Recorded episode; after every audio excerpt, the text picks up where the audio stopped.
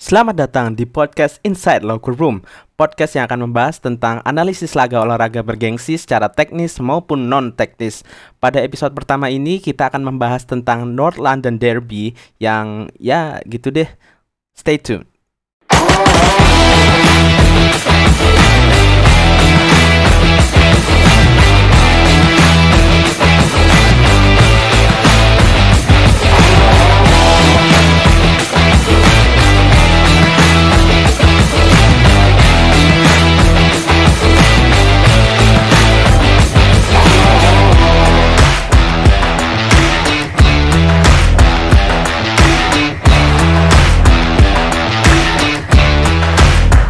Selamat siang semuanya.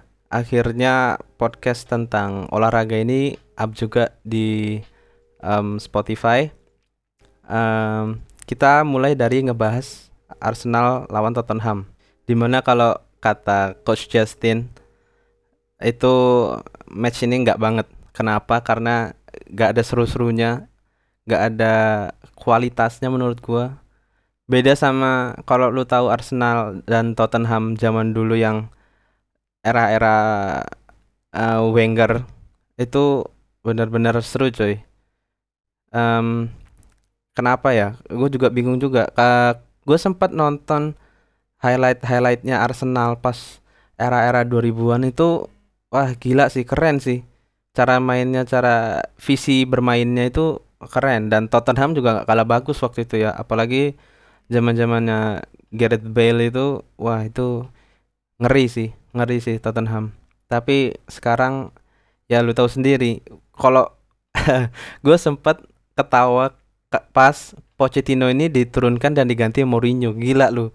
Gue sebagai gue gue fans MU ya. Gue uh, sebagai fans MU ini uh, dilatih sama Mourinho ini agak bukan agak sih udah bener-bener jengkel coy. Ini kayak nggak main bola ini lu main bertahan lu nunggu lawan lu punya kesalahan uh, terus di counter dan lu coba untuk cetak gol. Tapi kalau tim lu bagus itu mungkin berhasil ya pas kayak uh, Internya mau zaman 2010 yang menang champion uh, kualitas pemainnya benar-benar edan. Tapi kalau misalkan Tottenham lu mengandalkan Tottenham eh lu sebagai fans Tottenham mengandalkan Mourinho untuk ngelatih tim lu itu agak aneh sih.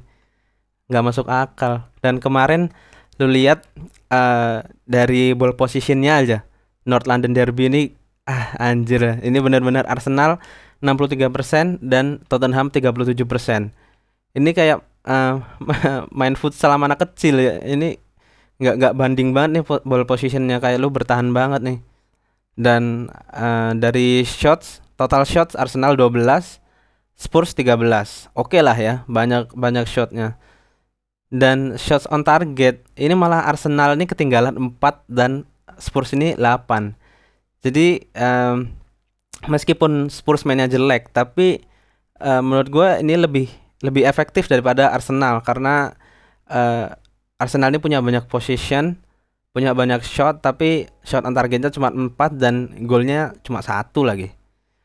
Dan kemarin juga yang jadi catatan gue adalah banyak banget kartu kuning di mana Arsenal ini uh, false 10 kartu kuning 3 dan Tottenham ini false-nya 16 dan kartu kuningnya 5 agak agak ini juga sih lenjeh juga sih wasitnya. Gue juga kemarin lihat dikit-dikit kartu kuning dikit-dikit kartu kuning gitu kan. Kayak apaan sih? Padahal ini foulnya nggak nggak nggak kasar-kasar amat coy.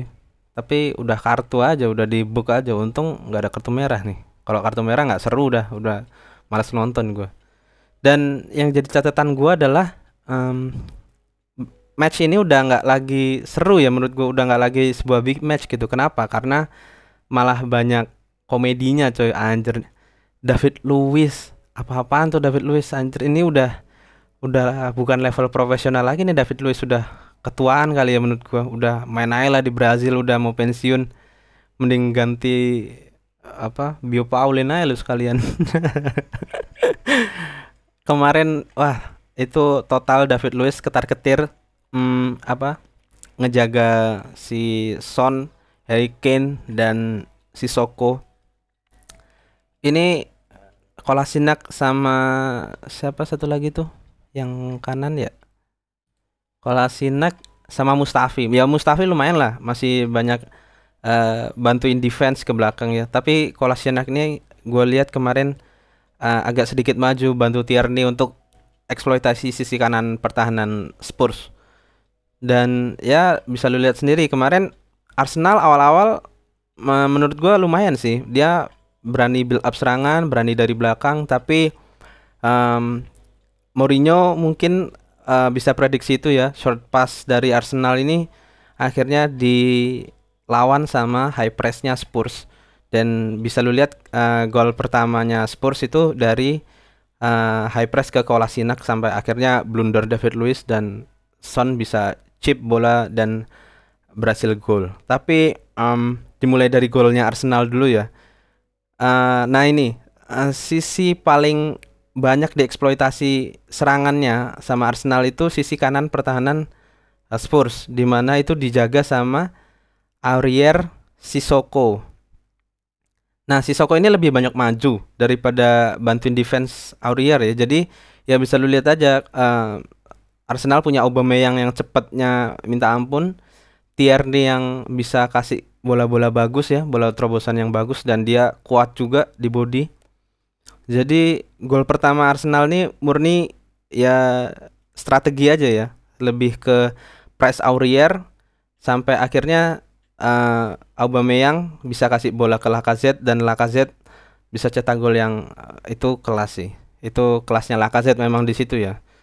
Dan dibalas dengan golnya Tottenham lawak banget David Luiz nggak nggak heran sih eh, kenapa Brazil dulu bisa kalah 7-1 ya David Luiz emang gua nggak melihat kualitas seorang um, back yang bagus ya dalam David Luiz karena nggak tahu ya dia dia defense juga nggak terlalu nggak terlalu apa garang kayak Ramos gitu tapi juga build up serangan kayak um, apa Maguire juga nggak nggak terlalu ini ya.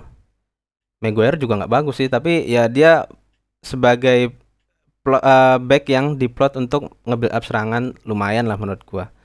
Tapi David Luiz ini enggak lah. Ah, apa nih? Sampah. tapi um, setelah satu-satu kedua tim main aman ya. Uh, Arsenal lebih berhati-hati lagi kalau nyerang. Si Tottenham juga nggak terlalu high press, bisa jaga belakang, lini belakang tapi um, yang jadi catatan gue adalah uh, pemain Tottenham yang benar-benar uh, mainnya lumayan itu Lo Celso. Gue lihat Lo Celso ini berani uh, apa nyerang, berani drive in ke uh, sisi pertahanannya Arsenal. Dan umpan-umpannya juga um, bagus, akurat dan apa ya uh, selalu mulai dari dia gitu. Dan kalau dia bawa bola otomatis Lukas dan Son ini naik ya. Dan Harry Kane ini datang jemput bola kasih ke Lukas Lukas uh, nyoba cari posisinya Harry Kane lagi atau uh, di cover sama Son dan babak pertama berakhir dengan skor 1-1 dan uh, babak kedua dimulai ini lebih ke arah Tottenham sih. Uh, pertama-pertama Tottenham uh, coba build up serangan tapi yang namanya Mourinho ya miskin taktik. Jadi uh, sempat-sempat buntu juga di depan. Sampai akhirnya Arsenal ini menguasai kembali uh, ball position. Sampai gua kemarin catat di menit 65 ball position Arsenal itu 82% dan itu nggak heran sih kalau kalau ngelawan Mourinho lu bisa punya banyak ball position tapi ya itu uh, Mourinho ini agak sedikit cerdas, dia banyak memanfaatkan kesalahan pemain, banyak memanfaatkan bola mati sampai uh, benar momentum yang benar-benar dimanfaatkan Mourinho ini Nicolas Pepe yang diganti sama Bukayo Saka. Bukayo Saka setahu gua awal-awal sama Arteta itu dimainkan sebagai wingback kalau nggak salah ya. Sampai akhirnya uh, kemarin sempat cetak gol dan menurut dia mungkin bagus juga main di sayap akhirnya jadi backupannya si uh, Nicolas Pepe. Nah kemarin uh, di menit-menit akhir ini Pepe diganti sama Bukayo Saka dan uh, serangan yang uh, di awal-awal babak kedua ini dimulai dari Nicolas Pepe ini akhirnya uh, nggak uh, nggak nggak bisa kebentuk lagi gitu. Praktis si Bukayo Saka ini nggak bisa dapat bola mungkin karena uh, jam terbang yang kurang ya. Dan Aubameyang dan Lacazette ini kan dari awal memang menunggu bola. Dan Sebayos nih kurang uh, menurut gue kurang kreativitas karena Granit Xhaka ini diplot untuk bantu si David Luiz uh, bertahan. Jadi otomatis uh, lebih main ke 4-3-3 Arsenal di menit-menit akhir babak kedua dan uh, akhirnya kecolongan. Uh, gue lupa apa yang bikin corner ya waktu itu. Kalau nggak salah akhirnya itu serangan balik terus akhirnya di uh, gagalin sama Mustafi sampai akhirnya corner dan kualitas crossingnya dari Son juga bagus dan Alderweireld akhirnya cetak gol sundulan dari corner sampai akhirnya itu jadi gol penentu kemenangan. Nah, catatan gue di sini cuma Alderweireld yang dijaga sama uh, Tierney. Gue bingung ini uh, sebenarnya uh, man marking ini gimana ya? David Luiz nih jagain siapa? Dan Kolasinak nih jagain siapa? Sampai ada Alderweireld yang punya postur yang uh, kokoh dan bisa nyundul bola dengan keras ini sampai dijagain Tierney coy. Ini gue bingung nih uh, man markingnya defendernya Arsenal. Dan catatan gue yang lain adalah um, banyak banget peluang one on one-nya Tottenham itu gagal digagalin kiper. Yang kalau nggak salah pertama banget tuh Harry Kane yang ngecip bola ke atas tapi untungnya untungnya Arsenal nih kipernya lagi sedikit on fire ya si Martinez ini gue nggak tahu nih pernah main nggak ya? Tapi uh, eh, gue baru pertama kali lihat dia main kemarin dan ya lumayan lah untuk uh, seorang kiper backupan ya. Banyak banget nih peluang one on one nya Tottenham. Sampai terakhir-terakhir nih gara-gara uh, Sebayos kehilangan akal ya. Karena nggak ada nggak ada yang bisa diajak untuk build up serangan. Uh, sempat kehilangan bola dan hampir blunder karena Harry Kane ini dapat peluang one on one dari blundernya Sebayos dan untungnya di, bisa digagalin sama kipernya Arsenal. Dan uh, praktis setelah uh, golnya Alderweireld ini Arsenal kayak semacam pasrah ya. Gue juga bingung. Ini masukin um, Joe Willock terus Soares Rhys Nelson. Ya itu. Itu tiga pemain yang dimasukkan Arsenal setelah Bukayo Saka. Ini nggak ada yang benar-benar nyerang loh padahal ada Maitland Niles ada Torreira yang mungkin bisa bantu uh, Sebayos untuk bantuin serangan tapi malah masukin uh, bek kanan Cedric Suarez, Rhys Nelson dan Joe Willock. Joe Willock ini sebenarnya penyerang tapi kualitasnya um, di bawah ya, nggak nggak bisa nggak mungkin bisa bantu Arsenal di pertandingan ini karena Tottenham juga menurut gue kualitasnya lebih bagus daripada Arsenal. Dan gue menyimpulkan dua tim ini sebenarnya mainnya nggak bagus-bagus amat ya, nggak untuk match yang bisa ditonton di di jam 22.30 ini bikin ngantuk asli. Nggak ada seru-serunya. Ya pertama seru karena golnya cepet ya alat dan golnya bagus golnya Lacazette. Tapi setelah satu-satu itu banyak mainnya banyak main amannya daripada nyerangnya. Jadi ya bosenin lah sampai akhirnya 2-1 ini udah beruntung banget nih si Mourinho nih ya karena kualitas Alderweireld juga dan umpannya Son dan PR banget untuk Arsenal. Kalau misalkan mau bersaing lagi, ini butuh banget rombak total dari di semua posisi kayaknya, kecuali kiper mungkin ya. Kemarin nih ada ini enggak ya? Anjir gak ada apa? Cadangan kiper. eh, ada nggak nih? Rian Mace ini siapa? Gue nggak tahu nih. Kiper juga butuh, back butuh, tengah butuh, depan ya mungkin ya. Karena kemarin tumpul banget nih backnya tololnya David Luiz tengahnya ini nggak ada kreator. Gue bingung ini Ozil ini masih di Arsenal gak sih? Nggak pernah dimainin padahal dia bagus loh menurut gue visi bermainnya ya untuk bantu Sebayos uh, big, uh, build up serangan.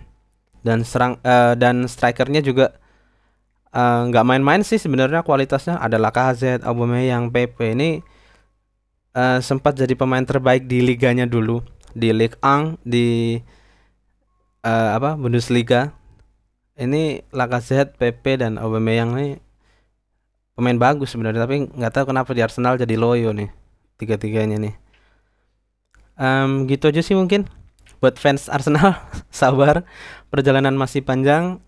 Um, butuh banyak saga transfer untuk ngebenahin tim. Dan untuk Tottenham mungkin ganti pelatih aja lah loh padahal Pochettino ini bagus ya kenapa? Gara-gara ini mungkin ya gara-gara banyak rentetan hasil jelek. Tapi itu juga uh, lu diberi kesempatan transfer nih sempat ada transfer gak ya Pochettino? Gue lupa. Sampai akhirnya si mau kan datengin datengin Berquin tapi Berquin nggak nggak gitu belum ada pengaruhnya banget sih buat Tottenham karena belakangan juga menurut gue gaya mainnya Tottenham Mourinho ini uh, hancur lah. Oke, okay, thank you for listening. Um, uh, banyakin komen, banyakin kritik ya, biar gue bisa tahu nih harus diapain lagi nih podcast gue. Um, capek juga ngurusin dua podcast ya. uh, gue pengen nyalurin hobi gue aja sih tentang ngomongin sepak bola, tapi nggak mungkin di podcast satunya karena nanti bakal nyampur um, apa materinya. Dan nanti malam uh, ada MU ya. MU nih jam berapa nih? Jam 2. MU jam 2. Oke, okay. MU jam 2 subuh. Semoga besok gue bisa bikin uh, videonya buat MU nih. Uh, karena seru banget uh, perebutan tiket Liga Champion. Arsenal, eh Arsenal, Chelsea kemarin uh, sempat kepleset sama Sheffield. Lucu banget koplak banget. Heran banget gua sama Chelsea ini pemain udah lumayan kok. Ya jelek hasilnya. Leicester juga semalam kepleset juga sama Bournemouth 4-1 mengejutkan juga itu kenapa gue juga nggak tahu. Dan Wolves kemarin juga menang telak 3-0 sama Everton. Jadi uh, belum tahu siapa yang mengisi uh, empat besarnya nanti atau lima besar. Kita patut tungguin. So see you on the next track. Thank you.